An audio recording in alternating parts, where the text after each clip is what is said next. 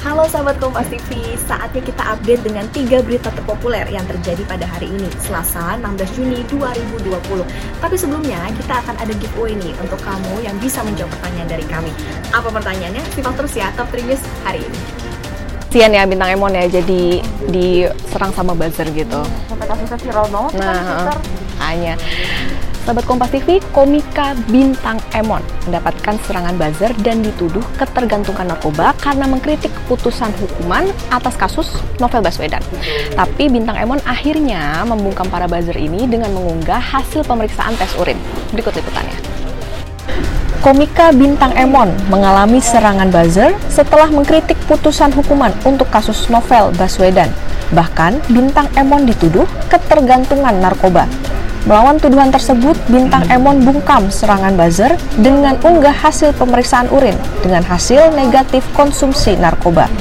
Terkait isu serangan buzzer terhadap komika Bintang Emon ini, Wakil Ketua DPR RI Sufmi Dasko justru mendorong masyarakat untuk tetap menyuarakan pendapatnya.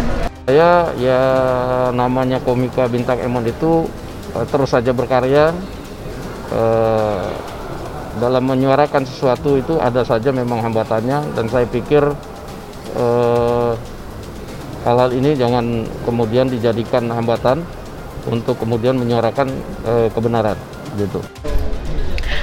Berita terpopuler yang kedua, Polda Metro Jaya berhasil menangkap Rush Medlin, warga negara asing atas kasus pedofilia. Tapi tidak hanya itu, ternyata Rush Medlin juga merupakan buronan FBI atas kasus penipuan saham investasi Bitcoin. Russ Medlin, tersangka asal Amerika ini ditangkap pihak kepolisian Polda Metro Jaya pada tanggal 15 Juni. Penangkapan ini berdasarkan laporan warga bahwa sering kali keluar masuk wanita di bawah umur di rumah kontrakan Rush Medlin. Dalam melakukan pengembangan, polisi juga ungkap tersangka Rush Medlin merupakan buronan FBI kasus penipuan investasi saham Bitcoin. Ternyata yang bersangkutan adalah ya, dari hasil paspor apa semuanya karena memang keterangan yang bersangkutan atau tersangka ini dia sejak 2019 lah ya masuk sini. Ya bolak-balik ke Indonesia sini. Ini masih kita dalami apa kepentingannya di sini. Tetapi yang bersangkutan ini ternyata ya didapati bahwa pelaku ini adalah buronan Interpol. Berdasarkan red notice Interpol. Ya kita keluar semua. Kita berkoordinasi kemudian dengan Hubinter dan juga kami cek langsung karena memang ternyata buronan FBI ya buronan FBI dari red notice yang Interpol kita temukan bahwa ternyata memang sejak tahun 2016 ya 2016 dia adalah buronan pencarian dari Interpol United States of America atau FBI dan juga pada tanggal 10 Desember 2019 tercatat tersangka dia ya, pada saat itu. Nah, kemudian inilah keluar yang kita temukan red notice-nya.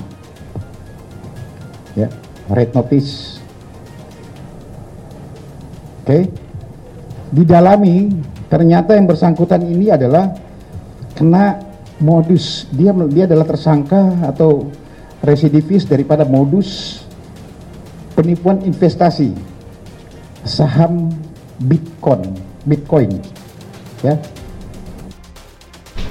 Berita terpopuler selanjutnya, sahabat Kompas TV, sebelumnya ramai polemik terkait rancangan Undang-Undang Haluan Ideologi Pancasila atau RUU HIP. Tapi akhirnya pemerintah memutuskan untuk menunda terlebih dahulu pembahasan terkait RUU HIP ini. Berikut liputannya. Menteri Koordinator Politik, Hukum, dan Keamanan Mahfud MD ungkapkan pemerintah memutuskan untuk tunda pembahasan lebih lanjut terkait rancangan Undang-Undang Haluan Ideologi Pancasila atau RUU HIP. Mahfud juga meminta DPR sebagai pengusul RUU tersebut agar berdialog dengan masyarakat terlebih dahulu. Selain itu, menurut Mahfud, pemerintah saat ini lebih fokus bekerja tangani COVID-19. Eh, rancangan undang-undang tersebut adalah usul inisiatif DPR yang disampaikan kepada pemerintah. Dan sesudah Presiden berbicara dengan banyak kalangan dan mempelajari isinya, maka eh, pemerintah memutuskan untuk menunda.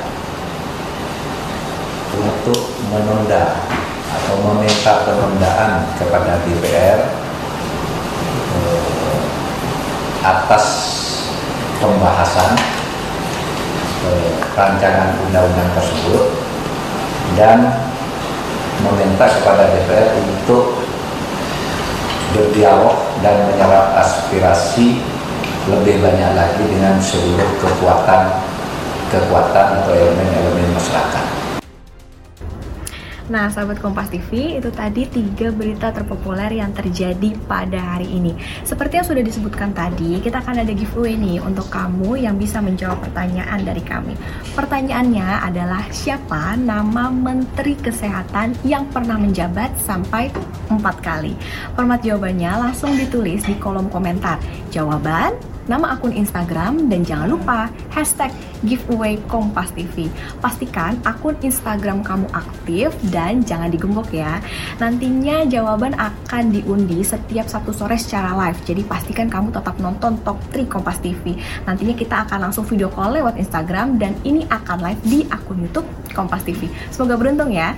Saya Putri Oktaviani, jangan lupa like, share, dan komen ya. Sampai jumpa.